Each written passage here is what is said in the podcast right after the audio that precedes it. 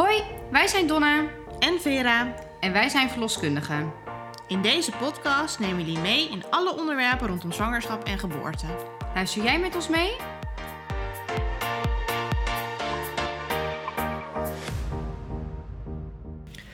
Welkom bij een nieuwe aflevering van de Verloskast met twee verkoude verloskundigen. Ja, heel gezellig, maar we zijn er wel weer. Jij bent verkouden, ik ben hoesterig, dus het, nou ja, Nou, we doen ons best. precies, precies. Vandaag eh, gaan we hem eigenlijk weer oppakken waar we de vorige keer geëindigd zijn. Tenminste, de keer daarvoor. De vorige keer was het natuurlijk met de hypnobirthing. Maar de keer daarvoor hadden we het over de persfase.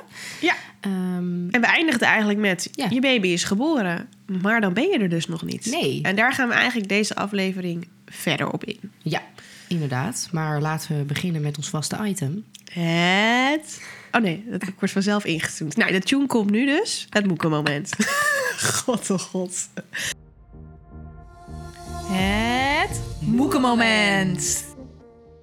Nou, Don, heb jij een moekenmoment? Ja, ik heb zeker een moeke moment. Vertel. Namelijk de kinderverjaardag. De En dan kinderverjaardag. doe ik specifiek op de verjaardag van jouw dochter. Ja, nou, dat was top. Ja, want ehm, Even hoesten tussendoor. eh, nou, Ava, het dochtertje van Vera, die werd één. eh, en dat moest gevierd worden. En James, ja, hij was eigenlijk het enige jongetje ook, hè? Nou, er was dus een baby die we even vergaten. Die was ook, was ook een jongen. Ja, maar er waren vooral allemaal meisjes. Ja, ja. En ik had het wel zo uitgekiemd dat ik soort van de kinderen twee uurtjes allemaal bij elkaar had en een volwassene op een ander moment. Dus het was echt kinderfeestje. Ja, inderdaad. En eh, mijn vriend die dacht, nou weet je, laat ik solidair zijn, ik ga met je mee. En eh, ja, maar ik heb gewoon een, een kind die niet stil zit natuurlijk. Dus die ging jouw hele huiskamer al gelijk verbouwen en overal opklimmen en weet ik wat. Ja. Terwijl iedereen soort van heel zoet aan het spelen was. Hij zag er keurig netjes Hij uit. had een heel leuk pakje aan, echt prachtig. ja, ja, Ja. hij zag er keurig netjes Helemaal uit. op en top. Maar toen. Maar toen kwam Vera met een eh, cupcake aan. met nogal veel botercrème. En ze zegt, nou hier James alsjeblieft. En ik dacht al, nou lekker dan. Nou, en het zat overal en nergens. Ook jouw hele huis trouwens. Ja, we hebben het schoongemaakt daarna. Het kwam Ja. helemaal goed. Ja, dus Ja. nou, daar ging ze net te pak. Ja. Ja, en het was toch... eh, ja, je- je- ik was alleen maar met hem bezig. ja. Je hebt eigenlijk geen tijd om met elkaar te kletsen. Nee. Je bent alleen maar bezig met je eigen kind in de gaten Het is echt een moedje. Je doet, Ja. het, je doet het echt om even je gezicht te laten zien en zeggen: ik geef hem je kind. Maar ik ga liever naar een ander soort feestje. Maar echt, Ja. maar echt. Maar ja. ja. Maar ja, het was Maar wel weer leuk. Ja. Soort maar één keer één. Precies, precies. En volgend jaar weer twee. Ja, en dan eh, ben ik op vakantie. ja, precies. En precies. jij? Nou, daar sluit op zich mijn moekenmoment wel eh, bij aan. Ik moet zeggen, kijk, ik heb een beetje smetvrees. Dus als, hoe is dat voor jou? Als jij naar een restaurant gaat, dan krijg je zo'n kinderstoel. Weet je Ja. wel? Ja. Maak jij die eerst schoon voordat James erin gaat? Heb je gezien hoe James eet? Ja. Waarom zou ik dat schoonmaken? Als het nou Van het vorige kind? eens één minuut. Nee, maar dat doen zij toch? Nee, joh. Je maakt toch ook niet Oh. de tafel waar je zelf gaat zitten? Nee, dat is waar. Maar die kinderstoelen zijn altijd zo goor als maar kan. Dus nou, voordat wat voor restaurants eet jij? Nou ja, gewoon lunchroometjes en zo. Maar goed, we gingen dus naar zo'n lunchroom toe. En eh, ik was daar met een vriendin. Nou ja, en zij zet gewoon die stoel neer. En haar kind gaat erin. En ik denk, eh, ik zeg, hou mijn kind heel even vast. Dan kan ik die stoel schoonmaken. En dan kan ze erin. Ja, vind je dat heftig? Ja, vind ik wel heftig. Ja. Dat zeg ik, doe je ook niet met je eigen tafel. Nee. Maar oké, laat staan. Hè. Hij eet iets. Het valt op de grond in die lunchroom. Zou jij het gewoon voor hem neerleggen? Nee. Oké, oké. Nee, dat doe ik ook dus al, al helemaal niet. Nee. Nee, precies. Nee, maar ik denk dat dat een beetje mijn... eh, ik moet dat ook wat meer loslaten nog. Eh, alles schoon en zo. Maar op een gegeven moment is je kind inderdaad ook niet meer schoon. Ik wil net zeggen, wacht maar. ja. Dat laat je op een gegeven moment wel los hoor. ja. Weet je wel van die spaghetti filmpjes van kinderen? Ja. Heb James het al gedaan? Jazeker. Ja, Ava nog niet. Zeker. Kom vanzelf. Ja. Kom vanzelf. Nou ja, was weer top. Het was weer top. Het was weer top. Nou, laten we door. Ja.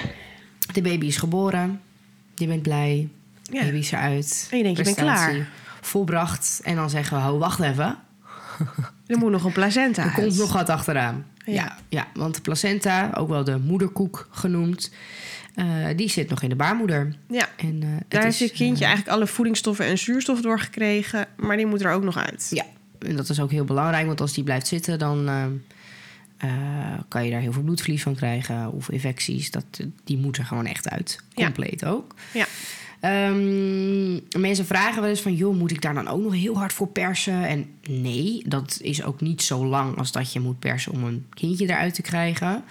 Je drukt eigenlijk een beetje mee op het moment dat wij zeggen van nou we gaan het nu proberen. Ja. Dus je bent niet actief weeën aan het wegpersen of Nee. zo. En vaak Nee. is het ook, kunnen we gebruik maken van één wee. Ja. Eh, maar we hebben je wel nog even nodig. ja, zeker. Ja, want wat er eigenlijk gebeurt is... ehm, de- het hormoon wat veroorzaakt dat je weeën maakt... dat is er ook nog na de geboorte. En dat moet er ook aanwezig zijn. Want de baarmoeder die moet samen krampen. Die Ja. moet dus inderdaad weer weeën maken. De oxytocine. Ja, de oxytocine. Dus die is, zijn qua heftigheid niet zo heftig als de weeën die je hebt tijdens het persen of tijdens het, de ontsluiting. Ja, maar het is wel de bedoeling dat die baarmoeder nog werkt. Ja.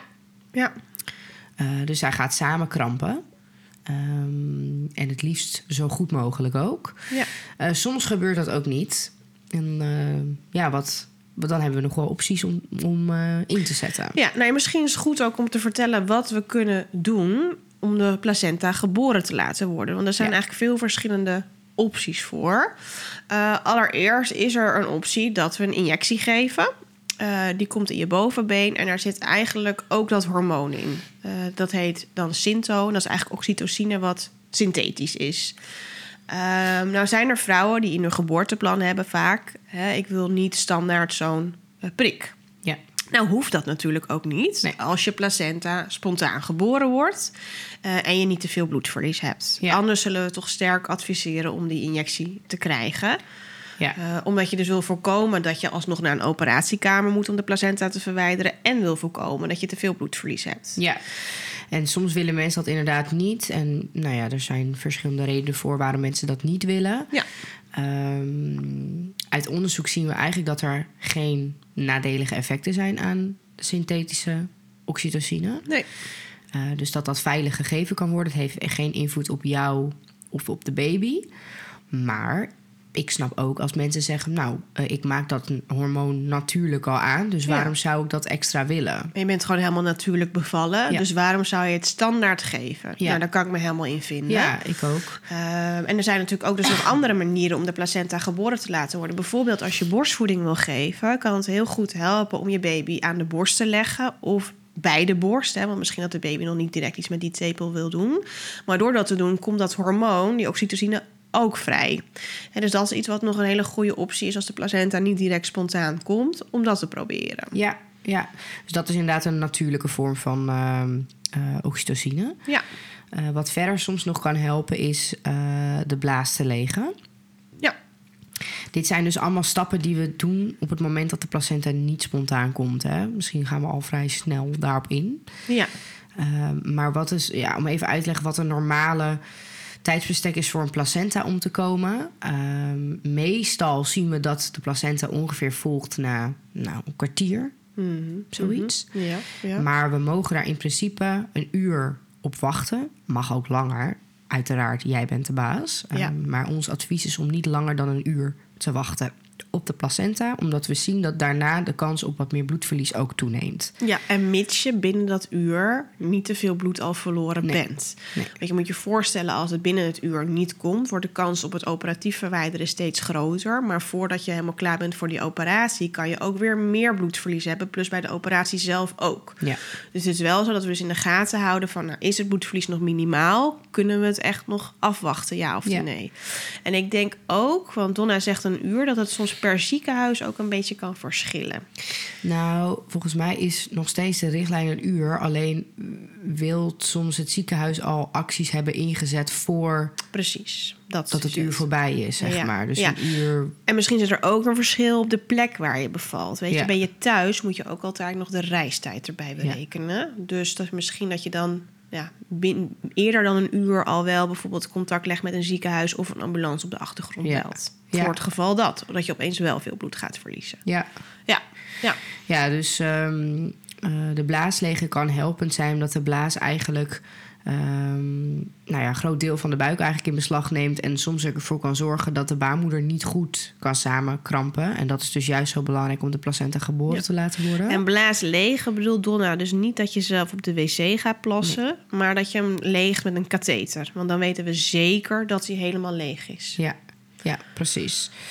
Ehm, dus dat zijn allemaal trucjes die we in kunnen zetten als de placenta niet volgt. Wat ik trouwens ook nog wel eens doe, is iemand juist bijvoorbeeld uit bed halen. Laat staan je ligt in bed. Dan uit bed halen en op de baarkruk zetten. Ja, dus Of heel even, even laten lopen. Even, weet je, dat, soms zie je dat dat ook nog werkt. Dan dat je plat op je rug bijvoorbeeld in bed blijft liggen. Ja, Ja. ja. zeker. Eigenlijk hetzelfde als weer met het persen. Hè? Dan zeggen we natuurlijk ook wel eens als de ene houding niet werkt of het, het gaat niet vlot genoeg. Ja.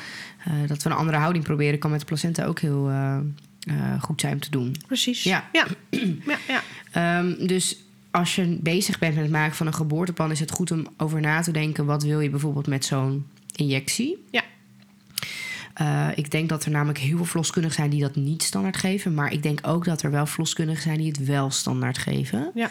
ja. Eh, dus dat is wel goed om op te nemen in je geboorteplan. Maar het wordt natuurlijk wel altijd overlegd van, mag ik het geven? Dat is wel de bedoeling, ja. Ehm, ja, dat is, dat is wel de bedoeling inderdaad. Want ik Ehm, hoor best wel vaak mensen die zeggen... ja, ik had toen zo'n prik in mijn been en dat kreeg ik zomaar. Wat, wat was dat eigenlijk? Oh ja. Heb jij dat niet? Ik heb best wel vaak mensen dat zeggen, hoor. Nou, ja, misschien ja. Nou, ik moet zeggen, ik vraag het altijd. Vind Ja. je het goed dat ik hem geef? Ja, En dan leg ik uit waarom. Eh, en als mensen standaard in hun geboorteplan dus neerzetten van ik wil de injectie niet, dan leg ik ook dus deze achtergrondinformatie erachter uit. En er is eigenlijk dan nog, niemand die zegt, nou dan wil ik het alsnog nee, niet. Nee. Want niemand die wil uiteindelijk naar die operatiekamer. En bijvoorbeeld bij een thuisbevalling wil je natuurlijk alles aan doen om niet alsnog naar het ziekenhuis te hoeven. nee. Dus dan als een optie een prik is of met een ambulance weg, ja, dan denk ik de keus snel gemaakt. Ja, ja, precies. Ja, ja.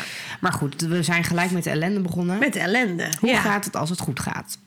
Dat is misschien ook goed om te vertellen. Ja, dus eh, nou, baby wordt geboren. Eh, wat we dan vaak doen is eh, voelen naar je baarmoeder. Of je baarmoeder goed samenkrampt. Of, en hoe hoog die staat. Ja. Wat we eigenlijk ook tijdens de zwangerschap doen, is altijd aan je buik voelen naar de hoogte van je baarmoeder. doen we dus na de geboorte ook. Om ehm, nou ja, te weten of die baarmoeder dus nog werkt. Ja. Zeg maar, qua eh, hè, krampen. Ja, soms voel je namelijk dat dan voelt die baarmoeder een beetje slap. Dat betekent dat hij niet goed aangespannen is. En als je dat voelt, dan kan het dus ook betekenen dat die vaten niet goed samenkrampen, waardoor je dus ook meer bloed verliest. Dus eigenlijk willen we dat die baarmoeder hard is, zoals we dat noemen. Ja.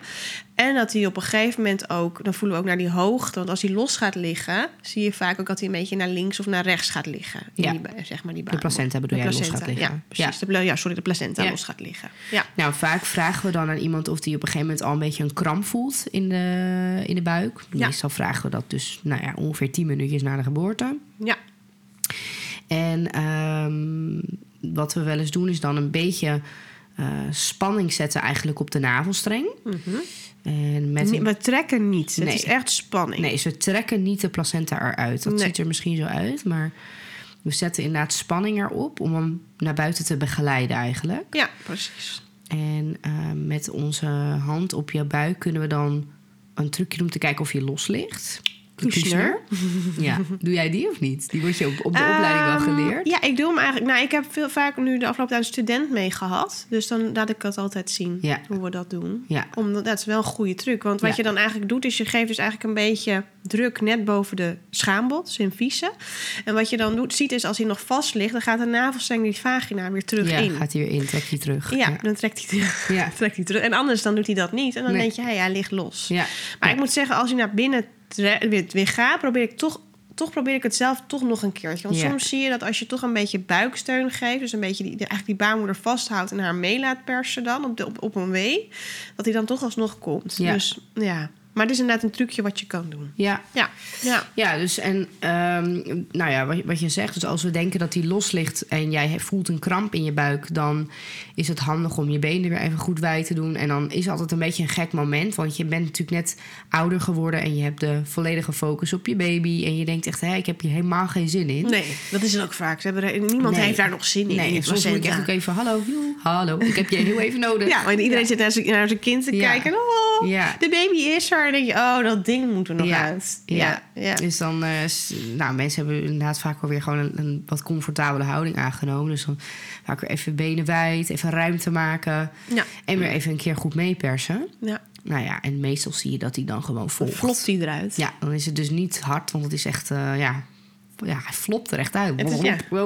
Ja, en dan ligt hij op het matje. Dan ligt hij op het matje. Ja, Ja, grappig, want ik denk wat we, we vergeten denk ik nu nog een stukje te vertellen. Want dat is wel leuk, want ook veel mensen hebben dat in hun geboorteplan staan, is die navelstreng uit laten kloppen. Oh ja.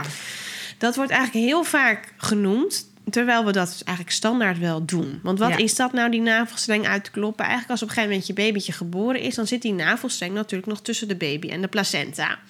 En wat ik eigenlijk bijna altijd ook laat doen... is dan vraag ik aan de moeder... wil je de hartslag van de baby voelen? Als je namelijk die eh, navelstreng dan vastpakt... dan voel je nog Tussen je de hartslag tussen ja. je vingers. Dan voel je nog die hartslag van die baby. Dus dan voel je hem nog kloppen. Ja. Op een gegeven moment stopt dat. En dat betekent dus vaak dat dus... eh, nou ja, ook vaak betekent dat die placenta los gaat liggen. Ehm, en dan is er eigenlijk dus het laatste restje bloed... is nog naar je kindje ja, toegegaan. je geeft eigenlijk nog alle, alle bloed, shot zeg maar, het laatste beetje Ja. aan je kind. Dus Ja. ook als de baby nog geboren is, is echt super bijzonder eigenlijk. Ja, heel bijzonder. Dus op een gegeven moment zeg ik, nou, voel je, vandaag ik dan opnieuw zelf voelen van, voel je het nog kloppen? Nee, het klopt niet meer. Nou, en dan knippen we hem vaak door. Ja. Eh, en dit kan mama zelf doen of papa. En als niemand dat wil doen, dan doen wij het. Hè? Want Ja. het kan ook zijn dat je het als ouders gewoon heel spannend vindt om te doen. Ehm, maar wat ook leuk is om te vertellen, het hoeft niet dat die doorgeknipt wordt. Nee. Eh, want daar heb je eigenlijk twee vormen in. Je hebt de lotusbevalling.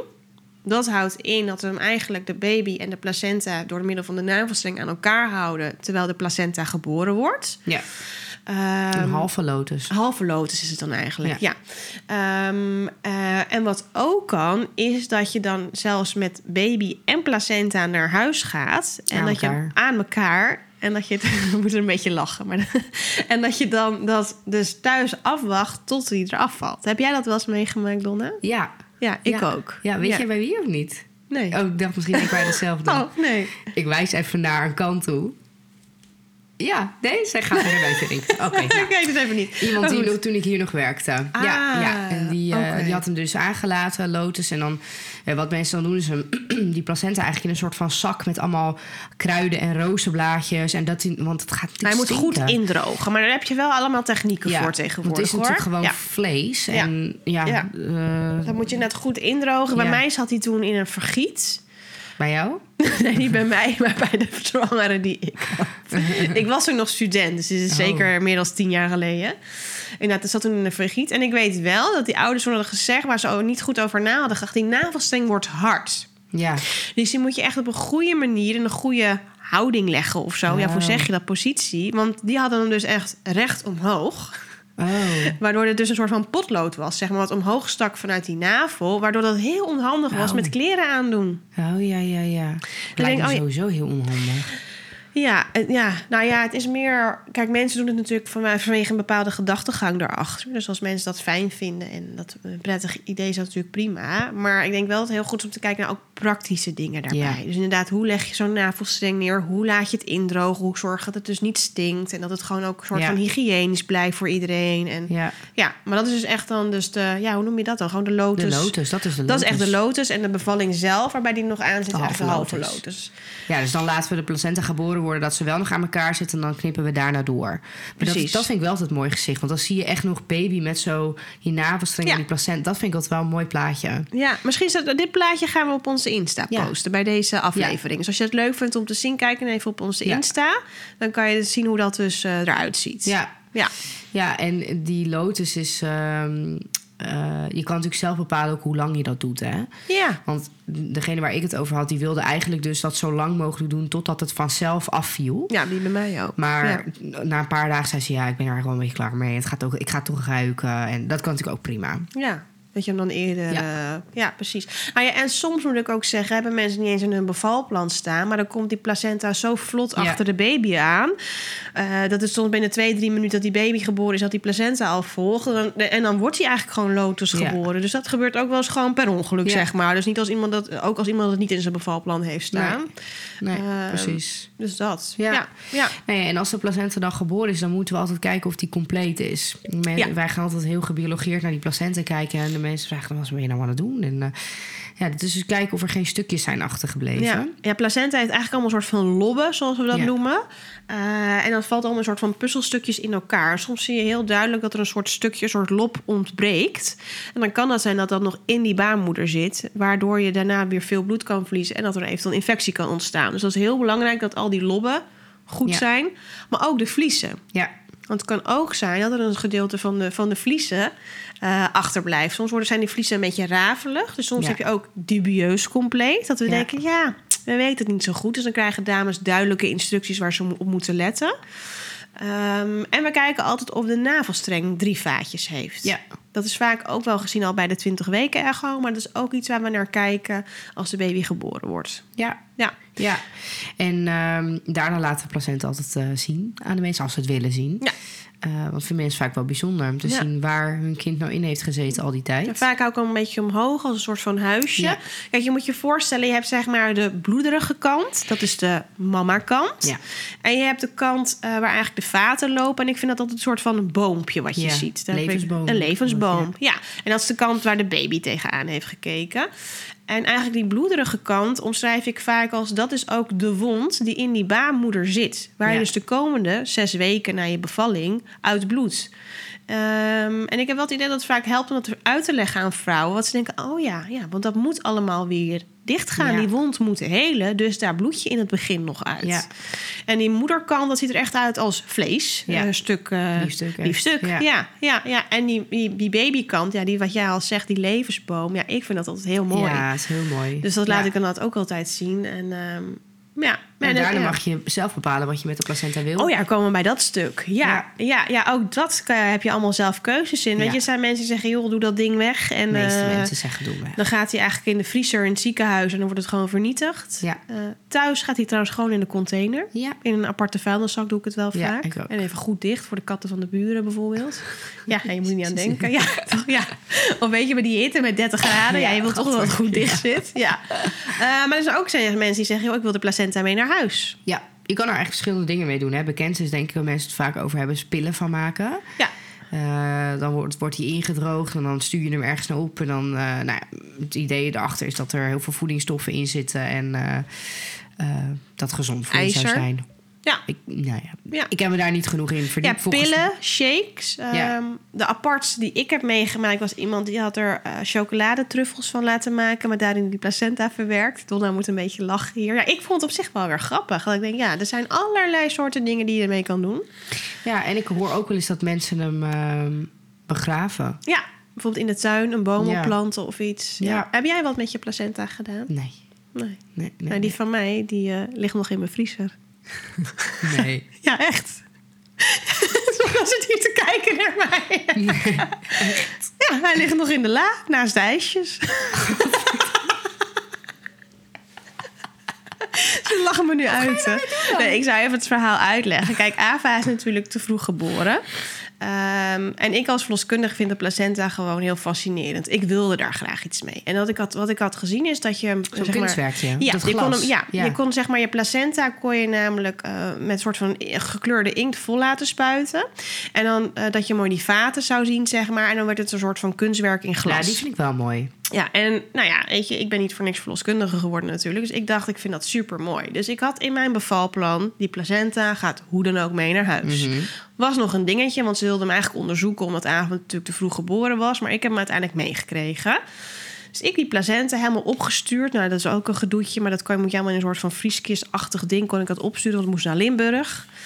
Nou ja, en daar zou dat, die zou dat weer doorsturen naar haar broer in Duitsland. En toen op een gegeven moment, een paar weken later, kreeg ik een berichtje van... joh, we hebben je placenta ontvangen, maar we kunnen de inkt er niet inspuiten... want de navelstreng was eraf gescheurd. Dus dan Oh. heb je eigenlijk geen houvast. Nee. Dus dan zei ze, ja, wat wil je? Toen dacht ik, ja, ik vind het een heel raar idee... als mijn placenta ergens in een kliko in Duitsland ligt. Dus ik Ja. zei, stuur hem maar weer terug. Nou ja, zodoende, een paar weken later, mhm, had ik hem weer terug. Toen heb ik nog bedacht, je kan er namelijk ook, net als dat je zeg maar een, eh, een beeldje van je buik kan maar laten maken van brons, kan je dat ook van je placenta. Donna moet alweer lachen. Maar ja, ik vind dat heel mooi. Ja, nee, ja, Ja, dus ik, ik, dat was helemaal in het nieuws laatst dat je dat kan laten doen. Heb je gemist? Ja. Nou, je placenta kan je dus ook een bronzen beeldje van laten maken. 3D, zeg maar, weet je wel. Dus ik denk, nou, ik leuk. Ik dus die mensen gecontact. Ik zeg, joh, dit is het verhaal. Toen zei ze, ja, dat kunnen we doen. Maar omdat dus die navelstreng eraf is, dan wordt het gewoon een homp vlees. Oh ja. Ik denk, ja, daar hoef ik geen bronzen beeldje van. Nee. Nou ja, en zodoende is Ava nu één. En ligt dat ding nog steeds in mijn vriezer. Maar ja, wat moet ik nu doen dan? Dat ding bij het grofvuil. Ja, ja, ik vind het zo raar om het nu, om het nu opeens... Nou, misschien dat ik er gewoon misschien, Misschien in een boom, planten. een bomen planten. Misschien dat. Ja. Maar ja, zo horen jullie. ehm, je kan van alles met je placenta doen. mee. En doe vooral waar jij je fijn bij Ja, voelt. Als jij denkt van, goh, wat een eng, eh, eng ding. Ik wil dat niet mee naar huis. Prima. En als jij zoiets hebt van, joh, ik vind het juist heel mooi om wat te je koesteren iets mee te doen. nadenken. Of toch Je over hoort het, hij kan gewoon een jaar in je vriezer liggen. Ja, precies. Ja. Je kan er gewoon van alles mee doen. Ja. Ja. Laten we nog heel even terugpakken naar wat als die placenta dus niet vanzelf komt. Nou, dan heb je verschillende stappen gedaan. We hebben het dus over de oxytocine-injectie gehad. De blaas legen. En komt die dan uiteindelijk niet vanzelf. Ja, dit zijn dus dingen die wij als verloskundigen Ja, kunnen doen. Dit kunnen we thuis doen en in het ziekenhuis Ja. doen. Die Mocht- oxytocine, sorry hoor, dat ik je weer ontbreek. Maar die oxytocine hebben wij dus ook in onze tas voor thuis. Dus we hebben ook medicatie bij ons. Precies. Ja, en die prik kunnen we eigenlijk twee keer geven. Daarna legen we je blaas. En als dan alsnog de placenta niet vanzelf komt, ondanks hè, ook de andere tips, aan de borst leggen, even uit bed, ehm, ja, dan moeten we helaas overdragen aan de gynaecoloog van het ziekenhuis. Wat gaat die doen? Die gaat eigenlijk opnieuw nog een keer ook aan je buik voelen en proberen de placenta geboren te laten worden. Die is wel vaak iets eh, Die is vaak iets, steviger qua hand. iets hardhandiger. Eh, maar dat heeft er ook mee te maken, zoals wij eigenlijk al eerder zeiden, wij trekken niet aan de navelstreng. Die gynaecoloog zou dat wat meer doen. En dat heeft vooral mee te maken, laat staan, hij, trekt, hij of zij trekt die navelstreng eraf. Dan moet je naar de operatiekamer. Maar het is ook het soort van laatste redmiddel van misschien door wat wel wat meer eraan te trekken, komt hij wel spontaan. Ja, dit noem je controlled cord traction. Precies, ja. Ehm, nou ja, komt hij dan uiteindelijk alsnog niet? Krijg je een infuus. Oh, dan krijg je een infuus. Ik denk, wat Donna die wijst naar mijn hand. Dus ik denk, nou, het is tijd. Nee hoor. dan krijg je inderdaad een infuus. Ehm, en dan ga je... Met, met ook weer oxytocine. Dat is niet altijd zo, toch? Dat ze je aan die pomp leggen. Nee? Nou, dat weet ik niet zeker. Ik dacht, ze geven een infuus om eventueel medicatie nog toe te, dingen als je, toe te dienen als je heel veel bloedverlies krijgt. Ja, het heeft misschien met, met, met bloedvlies te maken. Ja. Wat we vaak zien is als de placenta niet komt, dat het bloedvlies ook ruim is. Ja, dus dan heb Donna inderdaad ja. gelijk. Dan krijg je een infuus en dan krijg je, wordt op, de, op een soort pomp... zodat je dus gelijkmatig dat, eh, die oxytocine toegediend Ja. krijgt... zodat die baarmoeder dus niet... eh, dat die goed hard blijft. Wat we eigenlijk al eerder zeiden. Laatst dan je hebt echt zo'n baarmoeder die niet hard wil worden... echt zo'n slappe baarmoeder. Dan heb je gewoon die medicatie echt nodig... Ja, om dat is vaak dus ook de reden dat de placenta niet komt. Dus Precies. een placenta die niet volgt eh, en bloedvlies gaan vaak hand in hand. Het Vaak, komt niet inderdaad. heel vaak voor dat een placenta niet komt en dat het bloedvlies nog normaal is. Nee, het kan, het kan maar, maar dat is inderdaad vaak gaat dat inderdaad samen. Dus je krijgt een infuus met medicatie. Eh nou, en als de gynaecoloog hem uiteindelijk er ook niet uitkrijgt, dan ga je naar de operatiekamer. En dan verschilt het ook nog een beetje per keer of je onder algehele narcose gaat of dat je een ehm, ruggenprik krijgt. Soms wordt die ook nog wel eens dan met een ruggenprik eruit gehaald, maar je ziet vaker, Ja, vaker dat het onder narcose. gebeurt. ja. Een roesje eigenlijk. Ja. Narcose is wat zwaarder dan een roesje. En dan wordt de baarmoeder helemaal leeg gehaald. Ja, dan wordt die eigenlijk helemaal schoongemaakt. Ja, Weet je nog de eerste keer dat je dat zag? Dat dat gebeurde? Ik heb het denk ik ook maar één keer gezien. Ja. Die heb ik niet heel vaak gezien. Jij ik wel? dacht namelijk, toen ik verloskunde studeerde... dat dat met een soort zuigertje Nee, met ging. de hand. Maar dat gaat met de hand. Ja, dat gaat gewoon met de hand. Dus de Klopt. gynaecoloog gaat met de hand en een deel van de arm... eigenlijk in je, Ja. in de baarmoeder. Ja. Om het Maar goed, er is ook net een baby halen. uitgekomen, hè? Maar dan... Tuurlijk, ja. maar ik dacht al de eerste keer zo. Ja, nee, dat gaat inderdaad met de hand. Ja, dan heet het ook een manuele placentaverwijdering. Ja, ja, Je precies. doet dat met de hand. Ja, Ja. Ehm, nou ja, dat is echt een korte. Ja, meestal ben je nou binnen een uur, anderhalf uur weer terug Ja. eh, bij de baby. Dus dat is ook misschien goed om te weten. Niet dat je uren weg bent. Nee. Mits je natuurlijk niet heel veel bloedverlies hebt. Maar Nee. hè, dat je echt zoveel bloedverlies hebt dat je langer weg bent, dat gebeurt ook niet vaak. Dus je bent eigenlijk even kort weg. En in die tijd blijft jouw man dan bij, of jouw partner, blijft dan bij, eh, bij de baby. Ja. Ja, Ja, en dan, eh, nou, als we weer even terugpakken naar het, het eh, normale beloop. Dus de placenta is geboren. Zo Ja. noemen we dat ook echt. De placenta is geboren. Ja, die wordt heeft geboren. ook echt een geboortetijdstip. ja dat noteren klopt. we ook echt. Ja, ja. En ehm, dan eh, ja, is er wel nog iets wat we moeten bekijken wat minder eh, leuk is. En dat is of, Of er scheurtjes zijn. Ja, of de onderkant nog intact is. Dat wordt trouwens, ik val, valt mij op dat vrouwen dat al heel snel vragen. Soms vragen Ja. ze het al terwijl die placenta er nog in zit. Ja, en dan denk ik, ja, dat kunnen we echt nog niet beoordelen. Nee. Eh, soms heb je wel een idee van hè, als die baby geboren wordt of je iets ziet scheuren. Maar dat is niet altijd zo. Soms moet je ook even goed kijken van hoe is het gescheurd? Is het überhaupt nodig om te hechten? ja. Want je kan soms ook bijvoorbeeld schaafplekjes hebben Ja. die niet per se gehecht ja, je hoeven hebt te worden. eigenlijk verschillende... waar de meeste mensen hebben vast wel eens de term totaalruptuur gehoord. Ja, dat wordt altijd op van die verjaardagen besproken. Ja. Hè? Dat, eh, ja, ja, ja. en eh, je hebt eigenlijk verschillende ja, gradaties in het uitscheuren. En dan heb je dus eerste, tweede en derde graad. Ja. Bij een eerste graad is eigenlijk alleen de huid geraakt. Ja, dus dat zijn schaafplekjes. De schaafplekjes. En de schaafplekjes kan je inderdaad niet altijd hechten. Helemaal niet. Want je kan eigenlijk op verschillende plekken scheuren. Hè. Je kan ehm, bij je perineum scheuren. Dus dat is echt tussen je vagina en je anus. Ja. En je kan ook bij je schaamlippen scheuren. En dat is vaak heel erg lastig te Ja. hechten. Helemaal als het een eerste graad is. Eh, dus als het echt een, eh, ja, een schaafje is, kan je dat niet hechten. Dan adviseren we vaak om er een gaasje tegenaan te doen. Ja. Eh, en met water te gaan plassen. En plus, als je dat hecht, som- dan, dan heb je soms veel meer last van die Ja. hechting en het knoopje wat er zit, dan daadwerkelijk van dat schaafplekje wat misschien één dag brandt en dat het daarna gewoon een nieuw huidlaagje overheen Ja, dat zit. geneest vaak ook super mooi. Precies, precies. Ja. Tweede graads. ehm, Maar je hebt ook nog de vaginawand. Die kan. Ja. Misschien is die goed. Want soms lijkt het alsof er dus niks gescheurd is. Maar moeten we kijken dus ook goed in de vagina. Ja. En soms kan het zijn dat je daar dus wel gescheurd bent. Terwijl Ja. aan de buitenkant dat je dat niet heel Nee. duidelijk ziet. Nee, Dat noem je dan weer een vaginawandruptuur. ja, precies. Wij noemen dat inderdaad een ruptuur. Dus uitscheuren Ja. is een ruptuur. Goeie. Ja. En tweede graad ehm, eh, is ook de spier geraakt. Ja. Dus tussen de vagina en de anus.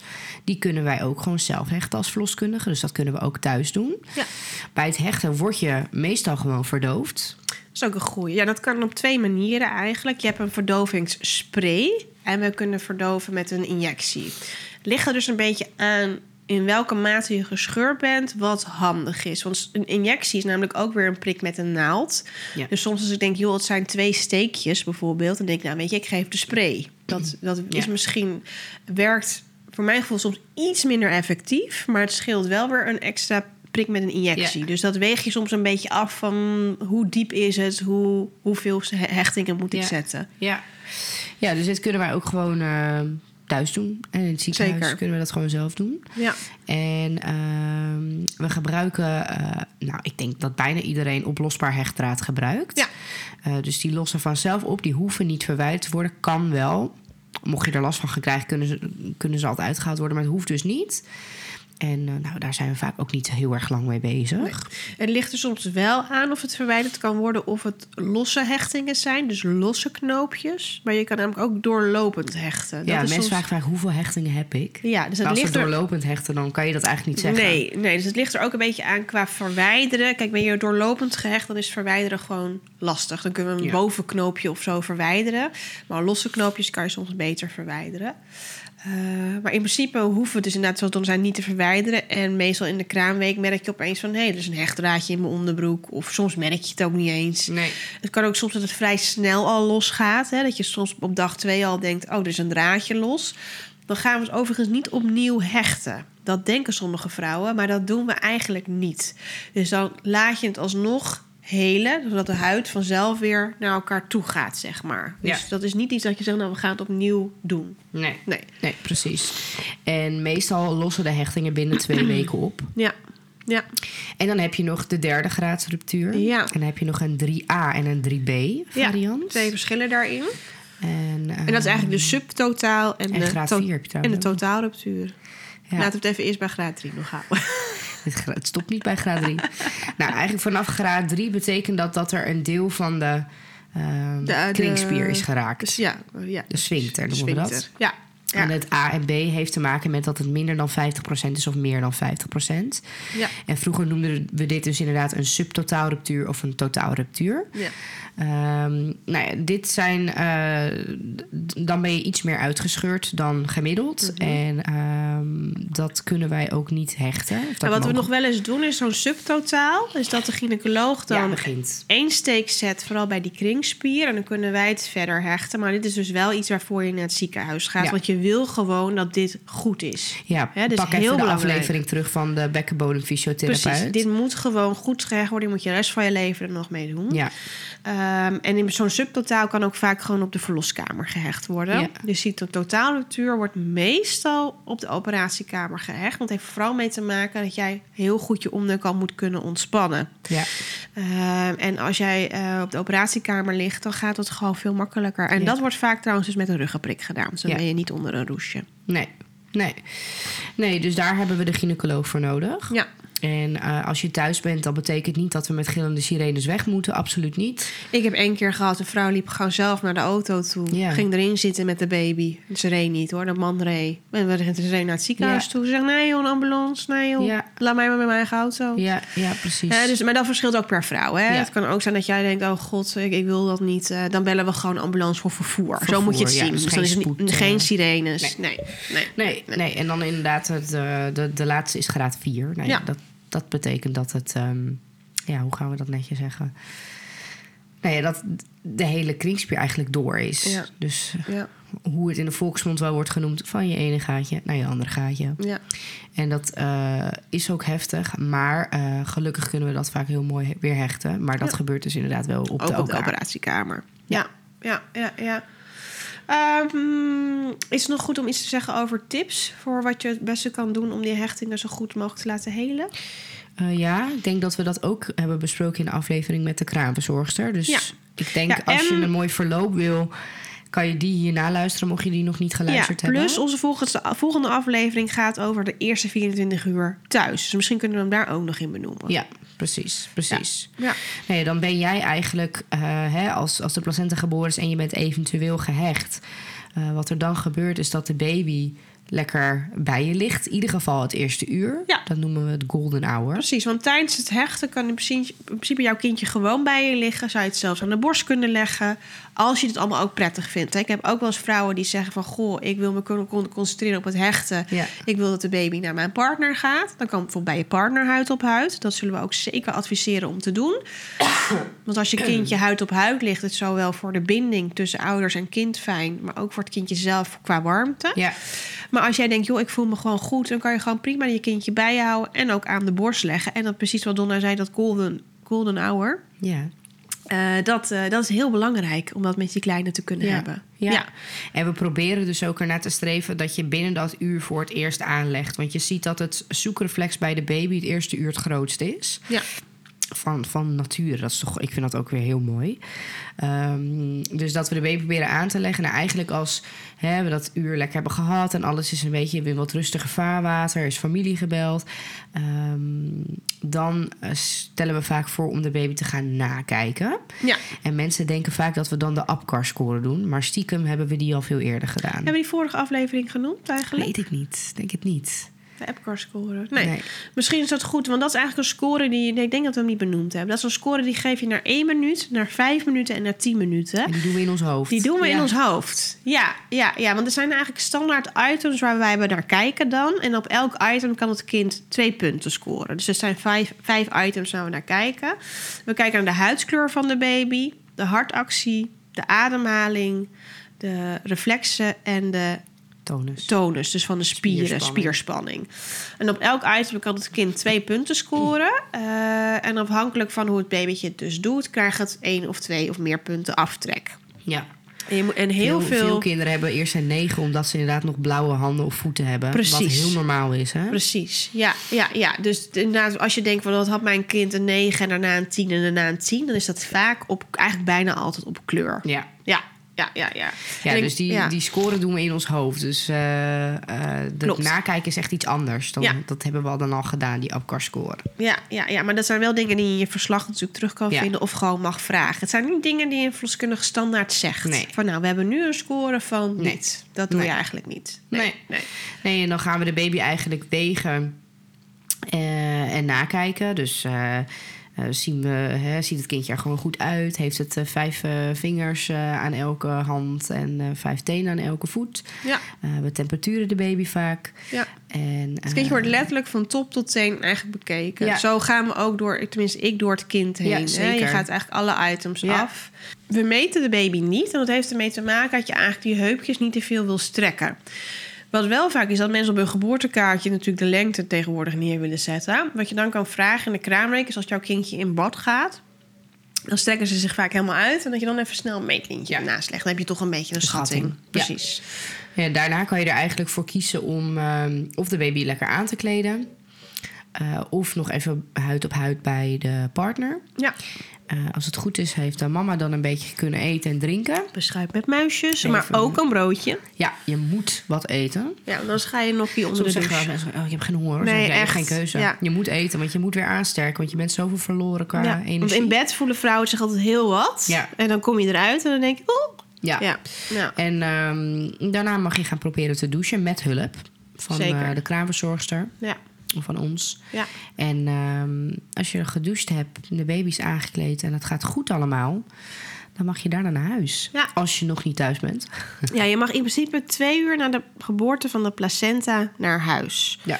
Of je bent natuurlijk al thuis. Ja. Ehm, ja, en dat is eigenlijk vrij snel. Wat ik merk vooral mensen die bijvoorbeeld vanuit het buitenland komen... die denken, oh jeetje, binnen twee uur na de geboorte van de placenta naar huis. Ja, maar wat vaak dan ook zo is... is als je uit thuis komt, heb je natuurlijk ook weer een kraamverzorgster... die je Ja. verder kan helpen. Ja.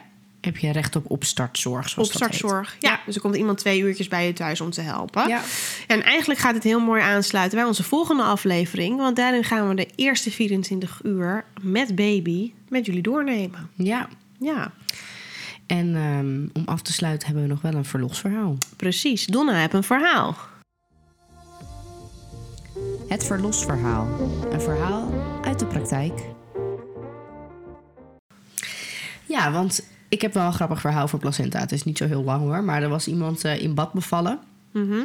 En als je in bad bevalt, kan je ervoor kiezen om de placenta in bad geboren te laten worden. Maar de meeste mensen willen dat niet. Nee, dat is mijn ervaring. vaker toch een wat bloederiger bad krijg je dan. Ja, ja, precies. Ja. Nou, dat hoeft van mij niet. Weet je, baby is geboren, doel bereikt, laten we eruit gaan. dus deze mevrouw die wilde er ook uit. Maar dat is best wel een hoge rand waar je af moet. Mhm. Dus eh, ze staat op en ze klimt zeg maar ja, over die rand. En flatsch, die placenta die wordt geboren. Ja, Op die rand of nog wel in dat bad. eh, in het bad. Oh. Dus al dat water, dat plats, het ging overal heen. Het was één groot bloedbad. Echt niet normaal.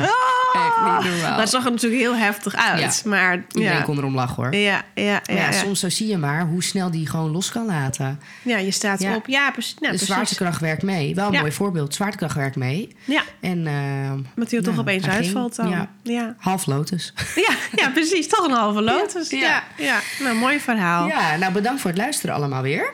was We weer een mooie eh, aflevering, ja, denk dat ik. jullie er wat aan hebben. En ehm, eh, ja, kom vooral luisteren naar de volgende aflevering. Overigens een kleine mededeling. We gaan de frequentie van de afleveringen iets omlaag doen. Ja, dit mede omdat we gewoon het heel druk hebben als verloskundige, als mama. En eh, ja, de verloskast nog steeds super leuk vinden, maar we hebben gewoon ook iets meer rust nodig. Ja, ja. dus ehm, eh, luister vooral alle onze vorige afleveringen nog, als je die nog niet hebt geluisterd. Ja. En we zijn er nog steeds, maar dus iets Ja, want we gaan vaak. zeker door, maar het zou niet meer elke twee weken zijn. Hoe de frequentie gaat zijn, weten we nog niet precies. Maar we gaan zeker nog door. Zeker. En misschien vind je het dus ook leuk om ons te volgen op Insta. Daar komt dus de foto van de Lotus-geboorte op te staan. Een baby met placenta er nog aan. Dus eh, volg ons daar ook. Ja, en ik heb op zich nu opeens een heel leuk idee. Oh, Ik denk als we deze bevalreeks en deze eerste 24 uur hebben gemaakt, ja. dat we wel weer eens een keer een vraagronde kunnen doen. Want misschien hebben mensen over dit stuk nog wel vragen. Ja, precies. En dan kunnen we nog een soort van ehm, afsluiter op dit stuk maken, Ja, zeg maar. ja, dus heb je een leuke vraag over dus de bevalling en het stukje daarna? Laat ons weten. Stuur het in een DM of iets. eh, Ja. Dat kan allemaal. Ja, Oké, tot de volgende keer. tot de volgende. Dag.